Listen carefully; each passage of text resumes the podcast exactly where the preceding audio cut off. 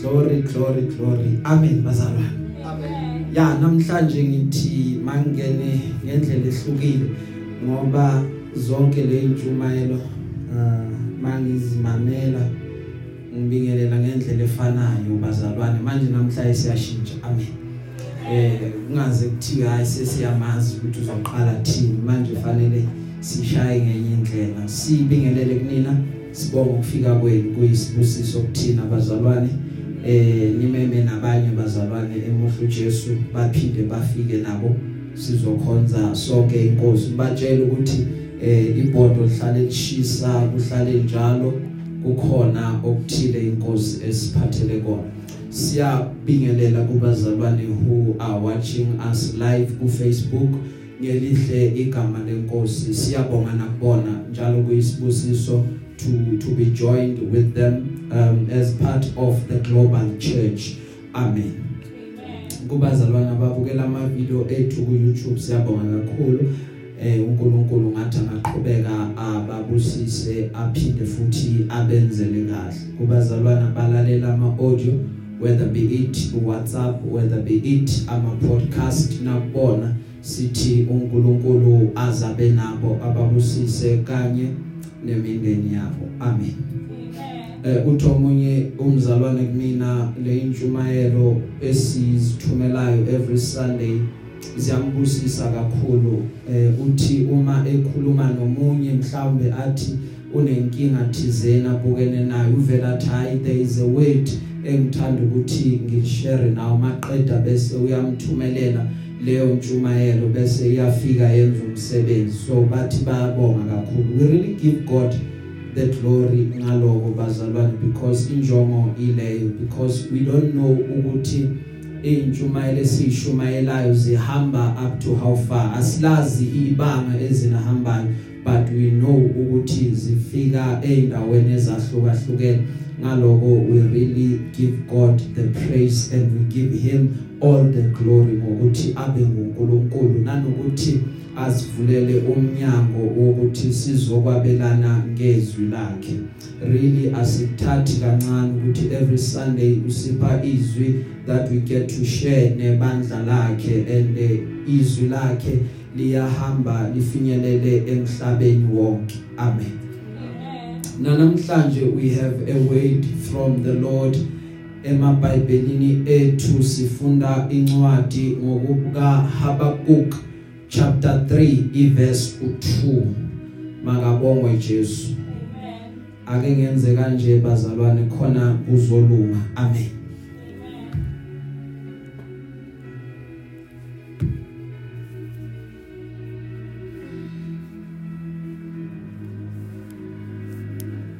Ya sekulungile bazalwane. Amen. Ngiyezwa ukuthi hayi ngathi ngifaka izandla efrijini manje sekungconywa ngconywana kufana amen. Eh Habakuk chapter 3 verse 2 uNkulunkulu kulezi insuku being God has blessed us bazalwane ukuthi sithi one verse maqeda bese siyahlukana. Last week besifunda one verse saqeda sahlukana. Na this week inkosi yenza umusa sizothi one verse maqeda bese siyahlukana. Umyalezo wanamhlanje uthi do it again lord. Ake sithi do it again lord. Asiphinde futhi do it again lord. Ngicela siphinde kokugcina ngamandla do it again lord. Amandla akhe aphelela lapho yini ake siphinde futhi isho njengomuntu oserious. Awuphinde futhi. Okugcina makabongwe Jesu. Sifunda incwadi kaHabakuki chapter 3 sifunda iverse elodwa iverse laka 2 ngicela uyiphethe ngesilungu bese asikhonza ke Habakkuk chapter 3 verse 2. yes Oh Lord, I have heard the report about you, and I fear. Oh Lord, revive your work in the midst of the years. In the midst of the years, make it known. In wrath, in wrath, remember compa- compassion and love. glory be to God. Cela ukuyifunda ngesikhethu izwi lenkosi lifundeka nganansi indlela. Udobhala iBhayibheli somnini ngizwile ngedumo lakho somnini izenzo zakho zibonakele. Yewusivuselele neminyakeni le. Zenze zaziwe enkhathini zethu ezi. Kodwana ube nomusa nakuvuka irawurawu amehlethu avaliwe celo yedwa asikhuleke.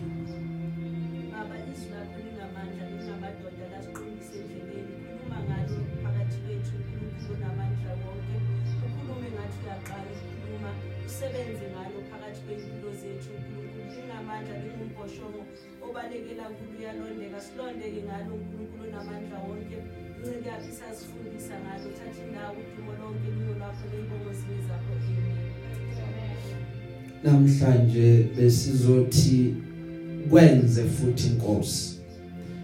We know ukuba inkosi yakwenza kule yaminyaka we have heard of the report ukuthi wenzeni simakade. But uh, namhlanje we are joining in emthandazweni. Uma ulifunda iBhayibheli lithi umthandazo kaHabakuku umprofeti uthi inkosi bese ngizwile ngokuduma kwakho ukuthi uNkulunkulu odumile. Nkosi bangilandisile ukuthi wena ungubani and uh, iposition yami iyamangala ngemisebenzi oyenzile uNkulunkulu kukodwe ngucelayo ukuthi kwanga ungaphinda futhi wenze lokudume ngako einsukwini zethu. Athi ezikhathini zethu kwenze kwaziwe. Maqeda athi la kuvama khona ulaka lwakho. Maqeda bese wena uNkulunkulu ukhumbula ukuba nomusa.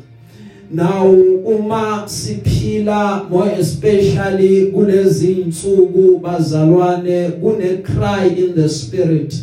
That cry eyokuba uNkulunkulu kwangazuthi angavuselela ibandla lakhe. That cry ithi kwangazuthi inkosi ingaphinda ithume imvuselelo ebandleni lakhe.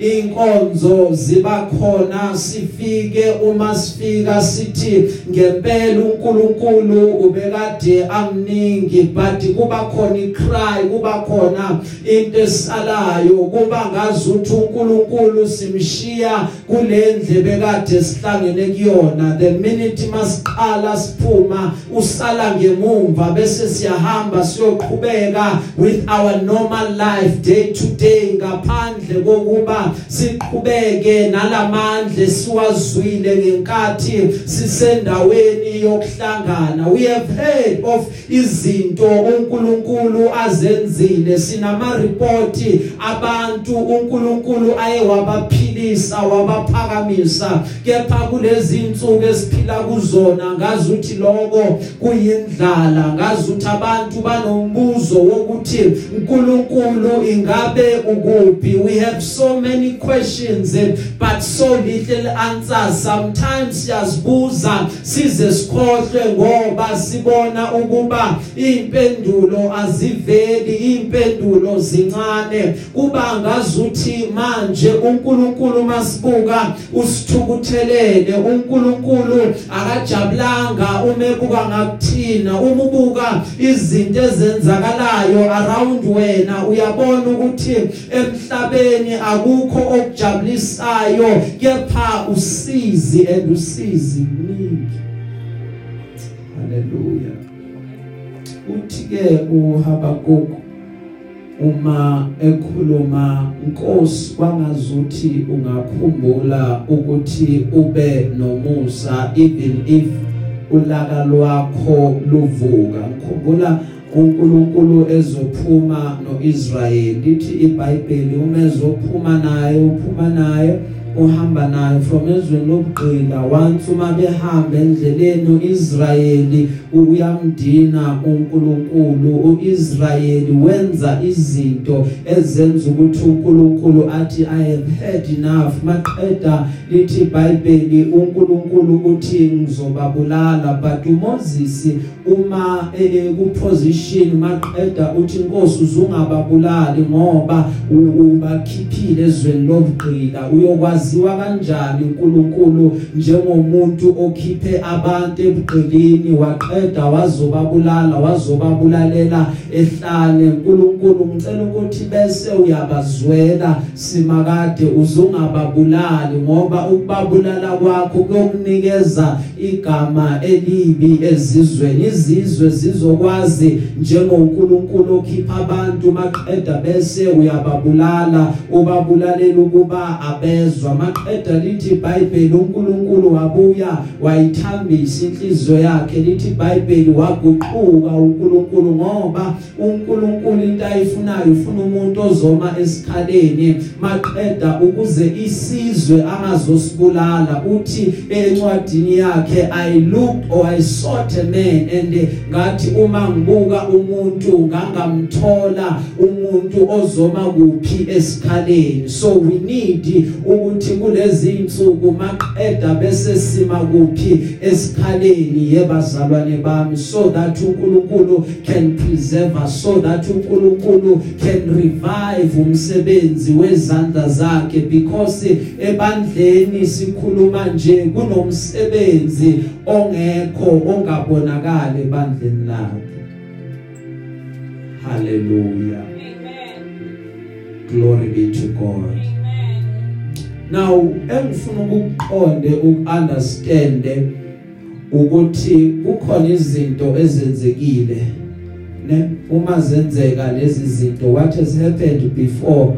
Is happening manje and lokho kwenzakalayo manje will again happen in the future ngoba uNkulunkulu une tendency yokuthi izinto aphinde azenze futhi zona lezi zinto ezenzekile uNkulunkulu uvamsile ukuthi aphinde abuye azenze ngoba in this life esiqhubeka siphila imbuzo iyaba khona ukuthi Nkosi kunabantu esababona kunabantu esezwa uzwa ngabo ukuthi simakade bebahamba nawe bebabonisa amandla akho ngesikhathi baphila. Wena uNkulunkulu wasebenza ngabo but why kithina imisebenzi yakho? It seems as if kuyindlala it seems as if iyinsomi because uma silifunda iBhayibheli siyabona uNkulunkulu uNkulunkulu wamandla phakathi kwabantu bakhe uNkulunkulu owambula amandla akhe. Uyamkhumbula uGideon lithi iBhayibheli kwafika ingilosi kuyena lathi Gideon qawe linamandla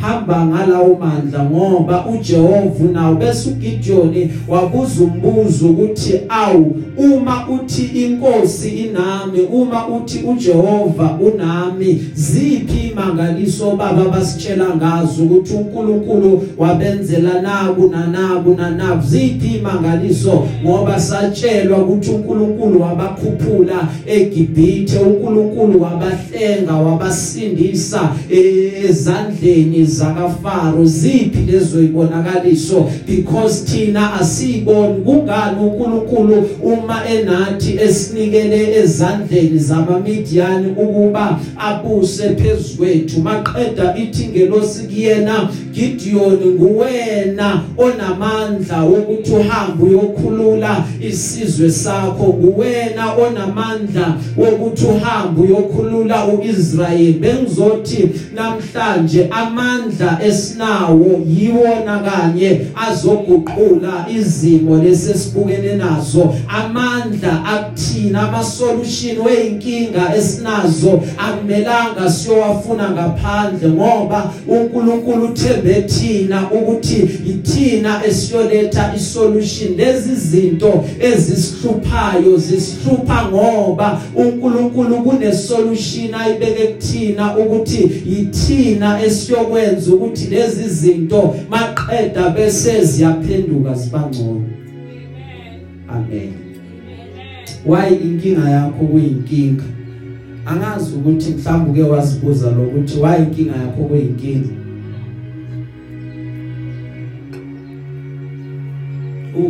Uke wanakusisa ukuthi inkinga yakhe inkinga yakho ngenze ukuthi inkinga yakho ungabe inkinga yomunye umuntu.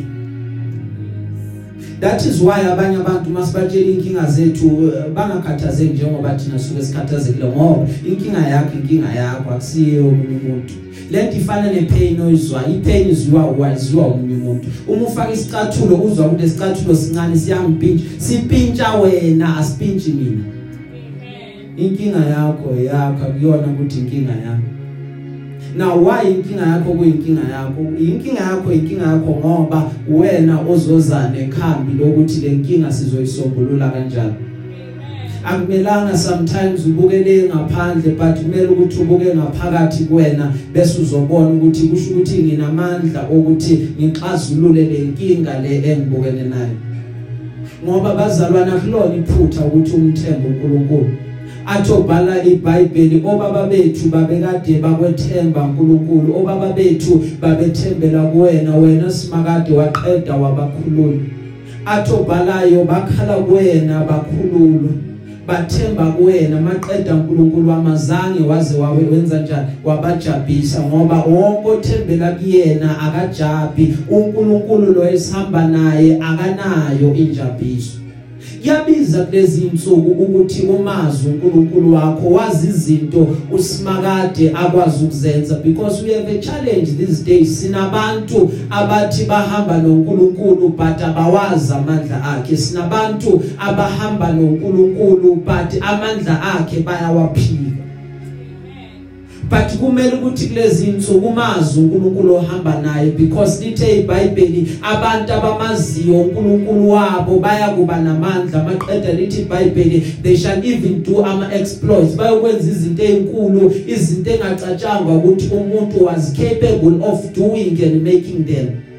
Namhlanje nje ngizokhuthaza ibandla ukuba asihlaleni enkosini siqhubeke noNkulunkulu simethembe sihambe naye simthembe ngokuba size singamngabazi ukuthi he is capable. Maqeda simkholelwe because i distinguishing factor yethu nabanye abantu ukholo ukuthi ukholo lwakho lunamathele yini enkosini ngoba uze athi uJesu uma ekhuluma ngiqinisile ngithi kini okholwa yimina lemsebenzi engiyenzile yena uyokwenza imisebenzi emikhulu even kunale mina engiyenzile. So into into edingekayo ukuthi do you believe now kunomunye ubaba lapha eBhayibhelini lithi iBhayibheli wathi inkosi ngiyakholwa ukholwa but siza mina to overcome my unbelief. Because sometimes inkinga yethu noma siyokhuleka enkosini sifika sikhuleke kanti iplan B sesinayo. Uthi mawuqeda ukukhuleka bese uyasukuma uhamba uyokwenza iplan B. Uthi uNkulunkulu asebenze kuphi ngoba already solution wena sewunayo so ucabangile uqedile bosayaphi usayokhuleka? Haleluya bengizothi kuthina namhlanje bazalwane uNkulunkulu kwangazuthi angakwenza futhi. This is a cry for some of us in this generation. Because there is a move that is coming. It's a peculiar one. Uma ifika le move ayizukwehlela bonke but yokwehlela laba abamfunayo ngoba ushile ezwini lakhe wathi inkazimulo yokugcina yalendli yakuba inkulu kunenkazimulo yokuqala. Kunezinto abantu abazoyibona babone ukuthi cha cha bo laba bahambi bodwa but kunesandla saka Jehova la. Ngoba bazalwane sisembusweni kaNkuluNkulu and ukuba sembusweni kaNkuluNkulu it means ukuthi sisembusweni wamandla asikho embusweni wabantu abakhulumayo. The, the the gospel or the kingdom of God is not a matter of talk but it's a matter of power abonakaliswayo. Lena akuyona ipolitical organization ukuthi sizohlala silokusithembisa abantu ithembiso zamanga engekho but it's it's it's it's, it's the home. Kamoya eyenza ukuba uma sikhulumile maqeda amandla kaNkuluNkulu abonakale kithina bese ku demonstrateeka ini the power of God ukuthi ngempela uNkulunkulu uyasebenza. Haleluya bazalwane. Ngoba ivangeli la kaNkuluNkulu lingamandla ambulwa kubantu. Uma ulifunda kahle iBhayibheli uzo understand ukuthi kunabazalwane abavuma ukuba bakhere amandla noma baphathe lawa mandla esifunda ngabe eBhayibhelini.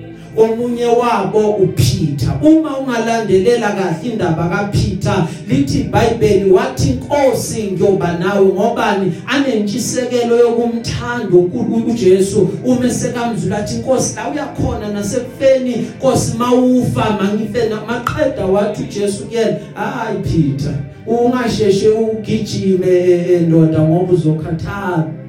Athi kuye Peter iqhude lingakakhali wena uyobusumphike kathathu uye yena lo Peter owamphika maqeda wacabanga ukuthi hleze uNkulunkulu sekangiflathele hleze uJesu akasabukanga ngakumina ngoba sengihambe ngahamba ngamphike but uthi uJesu maqeda ukuvuka uma ekhuluma nabafundi wathi hambani siyodibana eGalile ningamshiki no Peter uma beza bezomlanda ngiyacabanga uyamangala ukuthi awu kanami ngiyafuneka uye lo Peter owambathiswa amandla ngoba into enza ukuthi amphike kathathu ukuthi amandla beyangakambathiswa so siyadinga nathi yebazalwane ukuthi sike sihlale singajahi ukuhamba kepha siyombathiswa amandla so that sizokwazi ukuthi sime. Ngoba ngosuku lwePentecoste wakwazi ukuthi amashumayele athi lo Jesu nambethela singaye namhlanje.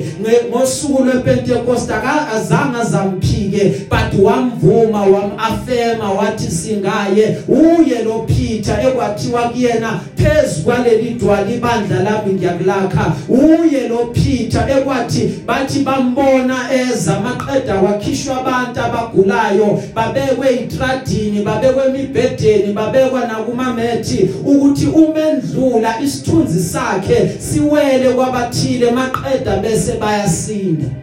Ngesithunzi nje ekudluleni nje kwakhe engababekanga izandla uPeter. Ngoba yebazalwane nayo into esingayifuna sifuna ukuba ordinary. Angazi ngawe but mina isikhalo sami akukona ukuthi ngifuna ukufana nawona wonke umuntu. But ngifuna ukuba icontainer yamandla wezinto zasezulwini. Ngifuna ukuthi uNkulunkulu uma efuna angahamba ngaye ezizweni ngithi nangu mina Nkosi ngikhona. Ngifuna ukuba icarrier yomlilo ukuthi noma ngifikile endaweni ngizwa ukuthi kuyabanda but kubonakala ukuba ngiphethe umlilo wasezulwini. Ngifuna ukuthi mangifika ngicharge atmosphere ngokukhona bezulu abantu bezwe ukuthi sekukhona okhona the atmosphere is not the same. Sekuguqukile ngoba kukhona ophethe imfihlakalo angifuni ukufana nawona wonke umuntu.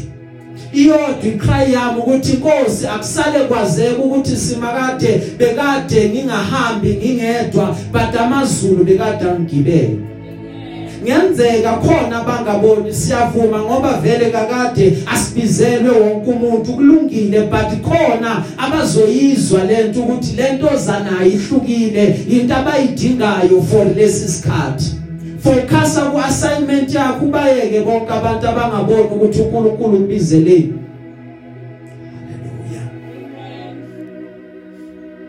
Bengizothi namhlanje God will do it again.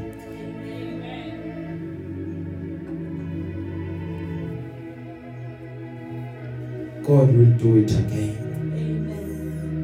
Lesikhathini sethu ekuphileni kwethu God will do it again. uNkulunkulu will revive ibandla lakhe. Uyakhumbula ukuthi izwi lithini malikhuluma ngoPaul lithi izwi uNkulunkulu wenza imisebenzi yamandla engavamile ngezandla zikaPaul. bese lithi iBhayibheli baze bathatha amaduku bawabeka phezulu komzimba wakhe neindwangu mabaqeda bathatha lawo maduku nalezo indwangu bayoyibeka phezulu kwabantu abagulayo. Baqeda bathatha lezo indu lezo indwangu namaduku bayoyibeka kubantu abanemoya emibi. Maqeda lithi iBhayibheli leyo mimoya emibi yaphuma yahlukana nabo leyo mimoya emibi yasuka kubona yahamba. Ngobani ngoba uvumile uPaul ukuthi abe yicarrier yeanointing yogcobo lwakaNkuluNkulu. I-challenge yethu kulezi insuku ukuthi lento kaNkuluNkulu ayingafeli ezandleni zethu. I-challenge yethu ukuthi lento kaNkuluNkulu ayingagcini ngalabantu uNkulunkulu ayekade basebenzisa maqeda bese kuthiwa sekuphelile ngabo sekuphelile ngebandla. Bengizothi namhlanje God kwangazuthi you can do it again in our days. God kwangazuthi unga revive umsebenzi wakho futhi einsukwini zethu. Siyadinga Nkosi ukuba uthume imvuselelo kithina. Siyadinga uNkulunkulu wami ukubona imisebenzi yamandla kithina ngoba miningi imibuzo esinayo. Nathi sifana noGideon siyabuza ukuthi Nkosi where are the miracles? Why izinto singayiboni? Why kulusha lwethu licwila kangaka edakamizweni uNkulunkulu wethu? Why it seems as if God is silent? Why kubu abantu babulawa? Why kunodlamo olungaka ezweni? Sisakhile siphila. Why kunendlala engaka? Abantu bangasebenzi. Why it seems as if God is not doing anything? We have that question ukuthi inkosi kwangazuthi you can do it again. Ibandla ungalibukisisa kahle lixabana lodwa balabo balwabodwa ngaphakathi endlini kaNkuluNkulu. Nalabo abafuna ukuyosindiswa bathi asingcono thina sihlalele la sihlelele khona ngoba kusizane laba bantu ababambananga. Abathanda nje babodwa bayaprethendelana ubona ngazuthi uyakuthanda ninini uzwa ukuthi umzalwane lo uyakuhleka ukhuluma ngawe ninini bayagcekana ninini kubonakala ngathi lo munye ugcotshwe kakhulu kunawe ninini siya intimate siba intimidated abantu ba intimidatewa yipulpit. Kunabantu abangebaze bakubize wena ngobani ngoba basaba lento zanayo. Bayabona ukuthi makufike wena ngazi ukuthi abazalwane babo bazohamba. Konke lokwenzeka emzimbeni. Konke lokwenzeka ebandleni lakaNkuluNkulu. But we are praying ukuthi kwanga inkosi can do it again. Abantu babhizi bakha amagama abo abantu babhizi benza okwabo. But we are praying ukuthi God do it again. God in our time do it again. Ngifuna uyizwe kahle lento mawuphuma la usho nje ukuthi inkosi empilweni yami do it again. Kufika isikhathi la umbona khona uNkulunkulu ethembekile kufika isikhathi la umbona khona uNkulunkulu ehamba nawe kufika isikhathi la umbona khona uNkulunkulu ekuthwele. Ubungesho yini uthi inkosi do it again? It seems as if inyawo zami ziyasinga it seems as if ngiyacwile enkingeni zami but God do it again. Ngike ngajabula mos. Ngike ngike ngaba nokwethaba emoyeni nasemphefumulweni wami. Ubungeke yini inkosi ukwenze futhi? Nkosi uke wangivulela umnyango ngangena ngabusa ngatamasa. Noma Nkosi ngiyakhumbula ukuthi nami ngakukhohlwa but Nkosi do it again. Sengikhulile manje angeke ngwaphinda amaphutha ebekade ngiwenzile ngoba bazalwane thina kahle kahle uyakhoda ukuthi sibe ama vessel kaNkuluNkulu sibe ikona sibe izitsha lezi uNkulunkulu azosebenza ngazo. Uma uNkulunkulu wakwazi ukuthi avuse uPeter avuse uPauli avuse abapostoli uma uNkulunkulu waphinde wakwazi ukuthi angagcini ngalabo baseBhayibhelini wahamba uNkulunkulu wayovusa abo John Wesley abo Catherine Kuhlman wabuya uNkulunkulu wazovusa abo Billy Graham wabuya uNkulunkulu wazovusa abomfundisi ungidi wavusa abo Bheki wazovusa abo baba usithole ukubengeke yini aphinda wenze lokho einsukwini zethu? uNkulunkulu angaphinda mosasambele uNkulunkulu angaphinda kwenze nakuthini? Ngoba bazalwane angifuni ukuthi sibe igeneration yehistory sibe igeneration yomlando uthi uNkulunkulu wayehamba nabo bhengu siyakhumbula kwenzeka 1 2 3 yes wakwenza but let God do it again even in our days. Because ukubambelela ku history kuyasilimaza ngoba inkinga zethu za current zidinga abantu abazodila with the current affairs not amandla sendlulile uma izwe lidinga ikhambi ukuthi nakugula kwanda nathi siyibandla sifana nelizwe sidinga ikhambi ukuthi kuyoba yini ikhambi? Kanti ikhambi lo uNkulunkulu esihamba naye athezwini lakhe yena uyibhalsam laseGilead konke ukugula uyakwelapha elithe iBhayibheli imvana yahlatshwa ukuze thina siphile. Zonke izifo zethu yazetshatha bonke ubuhlungu bethu yakuthabatha lonke ihlazo ihlazo lethu yalithwala kulona so that thina singabi nehlazo. sinoNkulunkulu onamandla sinoNkulunkulu ongamandla onke. Why? Ungabonakala kwangazuthi sibhizi nezinye izinto ezingaza ezingasakhi sibhizi nezinye izinto. Ifocus yethu has been distorted. Ifocus yethu has been moved ukuthi sihlale kulezi zinto. Lezi zinto ziqeda amandla ethu. Lezi zinto zidiskart sethu. Yet we keep on entertaining lezi zinto. Ngapha usathana uyazenzela. Ibonakaliso iswelakele kuthina inkinga of our time ukuthi umlilo ucishile nase altar ama altar wasavuthi but the, the, the, the word of the Lord bekade lithe in old in ku Old Testament bekade lithe umlilo uzungacishe altar. Because uNkulunkulu understood one thing ukuthi uma cisha umlilo kunento ezokwenzeka. Kukhona abantu abazothatha the strange fire bayoyifaka ealtar. Kube ngazuthi iwona umlilo kanti akusesiwo umlilo. Kube ngazuthi umlilo usavutha kanti bathathe the strange fire. That is why sizobona imanifestation yama fake miracles. Abantu ababhadalwayo ukuthi bahlale kuma wheelchair kube ngazuthi bebakade bahleli kuma wheelchair baqede baphakanyiswa kanti bekade ngekho leyo strange fire. Haleluya amen. Athi omunye azajoka ngenina omunye umfundisi wambhadalela ukuthi ahlale ku wheelchair baye etendeni benza inkonzo imvuselelo mabafika lapha etendeni kanti kuzoqhuma isibhamu hayi makhala ingane ngono ayiwasukuma wabalela umntana we are not called for that. We are not called to play games. Asidlali yebazalwane because lena ibiza imphefumulo le iphakathi kokufa nokuphila. Lithi iBhayibheli uma likhuluma nomuntu limncenga igazi lakho malingawele emhlabathini ukude noNkulunkulu because kuyabiza ukuthi ube kude naye ngeke ubuyisane naye. We are not playing. Glory be to God. Uma uma umfuna uNkulunkulu kunezinto usimakade kwenzela zona. Uma umlambela uNkulunkulu kunezinto usimakade kwenzela zona. I have learned ukuthi uNkulunkulu kunezimpi futhi aphinda kulwele zona wena ungazi. Sometimes uthi uvuke ekseni ubingelela umuntu umbone ngakubulisa uthi mhlamba kangizwanga ake ngiphinde uthi uyambingelela umbona ngakubulisa uthi izolo mosube ngibingelela. Namhlanje kwenze njani it is because sometimes uNkulunkulu kunezimba silwela zona singaboni kunabantu abathi mabesibuka abamelane nempumelelo nezimpilo zethu.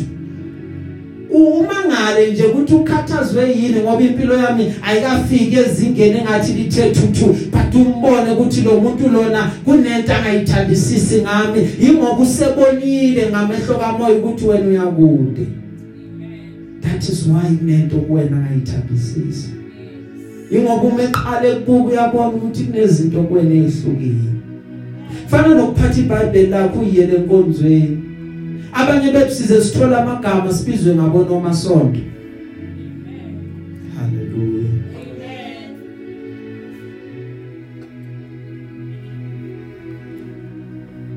God will do it again in our time. God will do it again in our midst. Ofanele ukwenza ukuthi phila impilo emthokozisayo uNkulunkulu athi ubhala iBhayibheli lapha indlela zomuntu zimthokozisa uJehova. Wenza even izitha zakho ukuthi ihlalisane kahle naye uzomangala wena ubona ungasana sitha. Uzomangala wena ubone konke kuhamba right. Uthi lo muntu mosibanga sangikhuluma sekujike kuphi? Yingoba indlela zakho seziyamthokozisa uNkulunkulu kuyona yonke into ebongayiphumela kuyona yonke into ebongayihambela make it a point ukuthi uphumela ukuba uyomkhonza uNkulunkulu. Angikhathalise ukuthi akuhlangani ini empilweni yakho yini engahambi kahle but make it a point ukuthi ukumkhonza kwakhe kunqabuki qhubeka umkhonze kubheda qhubeka umkhonze izinto engahlangani qhubeka umkhonze amehla agcwala inyembezi ebusuku qhubeke naye. Umkhonze uthi wena uNkulunkulu nguJehova. Lukufanele uduma akekho njenganawe akekho ngalinganiswa nawe. Empilweni yami ngikubonile uNkulunkulu ngiyazi nalesi simo sizodlula uma sifikile kuwena understand one thing ukuthi sifikile but it's on its way yokuthi idlule. Nalesi simo sizodlula but ukumkhonza kwami akuzuqhamuka ngenxa yesimo. Ngimkhonza noma sikhona. Haleluya uma uma uNkulunkulu eh enza izinto zakhe lithi iBhayibheli embusweni kaJehoshaphat na uJehova awakwenza. Wenza ukuthi zonke izizwe ezi around uIsrael zizwe ukuthi uNkulunkulu wenzeni. Uma sezizwa ukuthi uNkulunkulu ulwe kanjani nezitha zakaIsrayeli. Ngoba uNkulunkulu wenza ukuthi izitha noma ifika lithi iBhayibheli ziyofika ngendlela eyodwa but ziyohlakazeka ngeindlela eziyisikhombisa. Yini leyo? Iconfusion. uNkulunkulu uyayenza iconfusion eyitheni zakho bathi bazohlasela wena bathi bakukhuluma kabi. Umangale wena how sekukhona omunye phakathi kwabo kulethela indaba. Sekamuhle yena athi hayi phela kuze ngenze kanje uzibani uzibani bayakuplanela uma uNkulunkulu sekamlwela ke uIsrael lithi iBhayibheli uma eqeda ukumlwela ifiye yababamba zonke lezi ezinye izizwe maqeda lithi iBhayibheli umbuso kaJehoshaphat waba nokuthula. Umbuso kaJehoshaphat wawuse ukuzola uba nepeace ngokuba uNkulunkulu wakhe into awayenza wamnikeza ukuphumula nxa zonke. Namhlanje sizothi inkosi sicela ukuthi usiphe ukuphumula nxa zonke. Emsebenzini owenzayo sikhulekela ukuthi kube nokuphumula. Ungathi mawuye emsebenzini ubikele uthi ngathi ngaya kwenye indawo. Laba abantu bangisebenzisa kabuhlungu laba abantu bayangistressa. Mangicabanga ukuthi namhlanje Sunday kusasa kumele ngivukele khona ngiphathwa ikhanda ungathi kungcono kuyohlala emall kunokuthi ngibuyele kulela khaya engiphuma kulona. Ngoba njalo uma ngifika qala umsindo kuyaliwa kunakuthula. Sizothi inkosi sicela ukuba uyaleze usinikeze ukuphumula nxa zonke. Nkosi sinikeze ukuthula nxa zonke kuphileni kwethu. Usafunde esikolweni even othisha babona umntwana omuhle kungabi khona nothisha omelana nawe. Sizothi inkosi siphuphumula nxa zonke. Kuyona yonke indawo kusona sonke ispace engikuso Nkosi ngicela ukuthi ungiphe ukuphumula nxa zonke. uJehova uzokwenzela. Glory be to God. Amen sizothi namhlanje Nkosi do it again. Glory be to God. Amen ake sisho sithi Nkosi do it again. Nkosi do it again. Asiphinde. Futhi futhi Nkosi do it again konke enikwenzayo bazalwane. Do it for the glory of God. Whether niyadla whether nenza noma ngayini do it ukuthi inkosi ithole udumo. Uqaphele ke mzalwane wami ukuba konke kwenzayo ungakwenzeli udumo lwakho ukuthi udumo luze kuwena. Uqaphele ukuthi konke okwenzayo ungakwenzeli udumo lwezwe. Abantu benza izinto benzela udumo lwezwe. Uke wambona umuntu othenge imoto ohambe ngeenyawo isikhathi eside.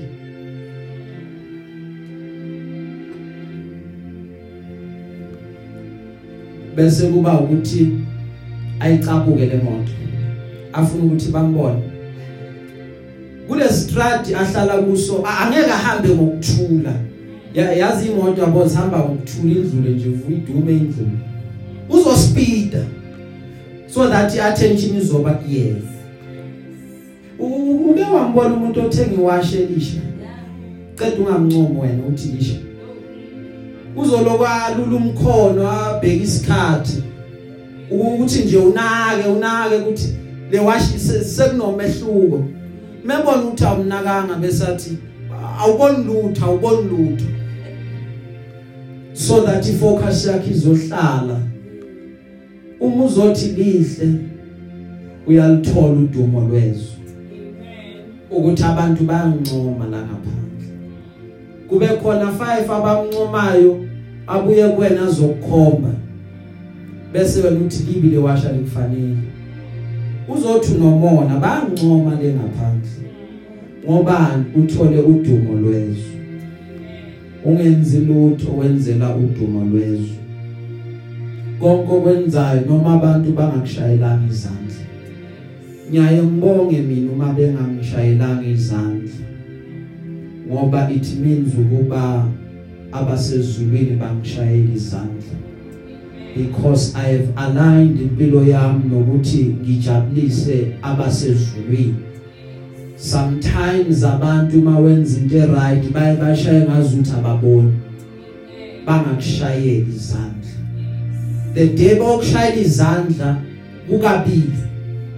Is the day babona ku TV kanti bokushayela izandla bathi siyamazwa okwesibili is the day undlule emhlabeni. Bawuthi wayeshumayele sakha wasebenza. Bakhala inyembezi zecrocodile. Bathi usebenzile. But while working yebakade bangakushayela izandla. Abantu ke la so ungaboya kakhulu nabo ngoba kuyenzeka futhi. Bakushayela izandla namhlanje kanti bazokukhaphela kusasa. Uyakhumbula uJesu ezongena eJerusalem. Lithi iBhayibheli wagibela idonki bakhumula ingubo zabo bayidlala. But lithi iBhayibheli mase emnqamlezweni engenzanga lutho enganasono.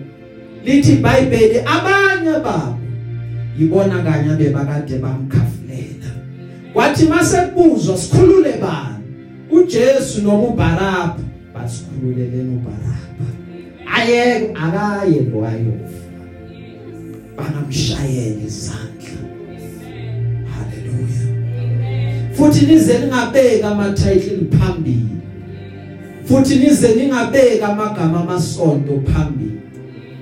Because igama lesonto into efuneka la. Ngale ngaphesheya kusebenza igama lesonto. But yenzelani ukuthi uNkulunkulu konke nikwenzayo athole ngabo udumo noma abantu igama lakho bangasalazanga uma benonkulunkulu kulungile uma bathola uJesu kuhle konke akhathaliseki ukuthi bangazi ukuthi ngiyubani but uma bethola inkosi kulungile. Makhanya ukhanya kwenu phambi kwabantu ukuba bonke abantu babone imisebenzi yene emihle. Maqeda badumise uNkulunkulu semazulwini uzungalithatha udumo lwakaNkulunkulu noma uNkulunkulu enzani ngawo. Uzungathi ngiyenze lokhu imina amandla ami. Hleze uNkulunkulu angaphinda sebenze ngawo.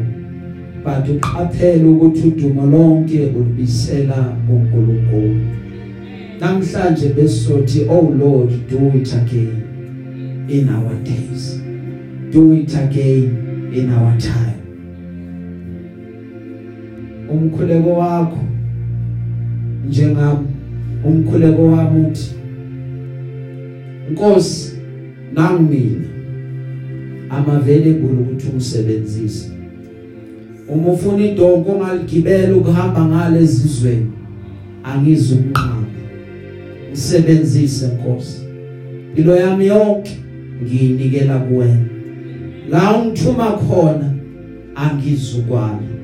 Noma ngingasafikanga mina but izwi lakho ngizokwenza indlela ngokusizwa wena ukuba liyofika lapho. Ngithi inkosi empilweni yami yenza umathanda thatha impilo yami kube yakho eyakho vela kuyona yami yenza ngendlela othanda ngayo. Because i want to carry your anointing. I want to be peculiar in this generation. Le generation idlala kakhulu. Le generation ayithathi izinto serious. Le generation idileya izinto eziningi but inkosi kukhona uhlobo lwabantu abangalibalanga iminako yaleli lizwe. Kukhona inkosi uhlobo lwabantu abangalibalanga iminako yalesi sikhathi. Bathi inkosi uma ufuna ukusebenza ku generation yami inkosi nakumina nami namhlanje ngisho njalo. Elithi iBhayibheli uDavide wakhonza uNkulunkulu ngokwethembeka in his generation. Uma seqedile wahamba wayolala. Ngobane ngobe kwenze konke uNkulunkulu ebekade amyalele kukona? Nkosi nami ngifuna ukuthi mase ngihamba kulomhlaba sekuphelile engizokwenza ngithi Nkosi ngakukhonza ngokweqiniso. Ngaphezulu kwabona konke i want to be a partaker partaker of your glory, partake of your kingdom. Cause use me. Do it again. Ngoba for him ukuza kwenze futhi udinga umuntu azosebenza ngayo. Sengiyagcina.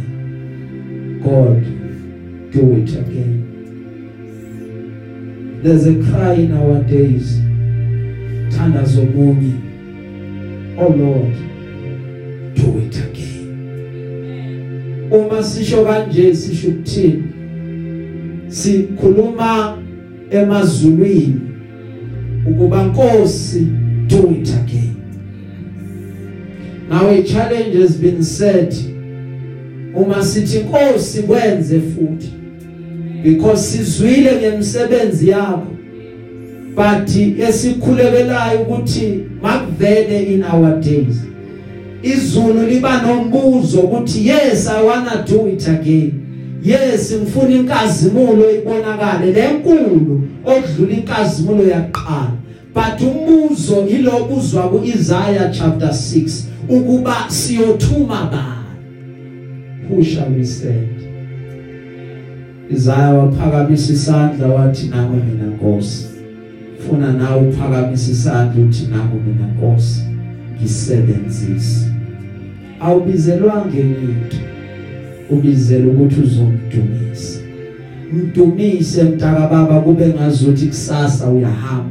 Tshela abantu ngoJesu osindisayo tshela abantu ngoJesu ophili ophilayo ofika guqule impilo yomuntu bese kubakhona ushintsho. Uzungaliyeki leli thuba lisebenzise so that uma uthi Nkosi do it again wazi ukuthi nami mina Nkosi ukuba umsebenzise haleluya ukuthi ungakanani doesn't matter. Ukuthi umncane akubalekanga lokho. Because ivangeli azange kushiwo vele kwathi ivangeli lamakhehla ivangeli elawo umuntu. Ngoba uma sibayeka abantwana abancane sithi usesemncane usathana uzodila nabo. Usathana uzolwa nabo. But nawe umncane ungathi inkosi sebenzisa mina. Mhlawumbe umndeni wakhe awukhona mhlawumbe ekhaya lakho bazoguquka ngawe uma bebona indlela ophila ngayo. That is why kumele uthi inkosi sebenzisa mina. Ukuze ngiphathe inkazimulo yakho esizukulwaneni engiphila kusona. Uze futhi ungabi namahlobo ukuhamba uphile inkosi ngoba nabona bonke abanye abantu bayamdinga uNkulunkulu. Lesothi namhlanje Lord do it again. Sebenzisa thina Nkosi. Sizosukuma bazalwane sivalela amehlo ethu. Cela uphakamise izandla zakho siyakhuleka manje.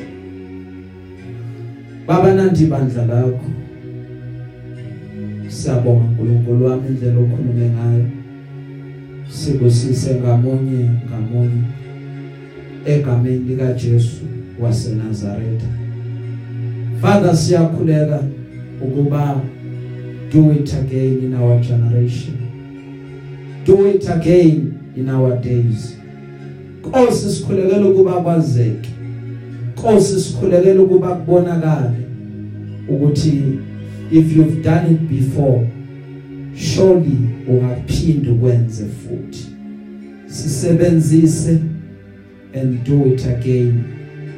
Ngathi empilweni zethu use us ukuyoguqula our generation. Uma abantu besibuka basho bathi ngempela besihamba noNkulunkulu. Ngempela we are partakers of the kingdom of God. Baba siyabonga ukuba uzosebenzisa usithumele ezizweni ukuyoshumayela ivangeli lakho. Do it again in us. Sicela konke lokho ngokholwa egameni likaJesu waseNazaretha. Kwenzekile ngoKristu lo inkosi umsindisi uNazaretha oyigcwele. Amen and amen.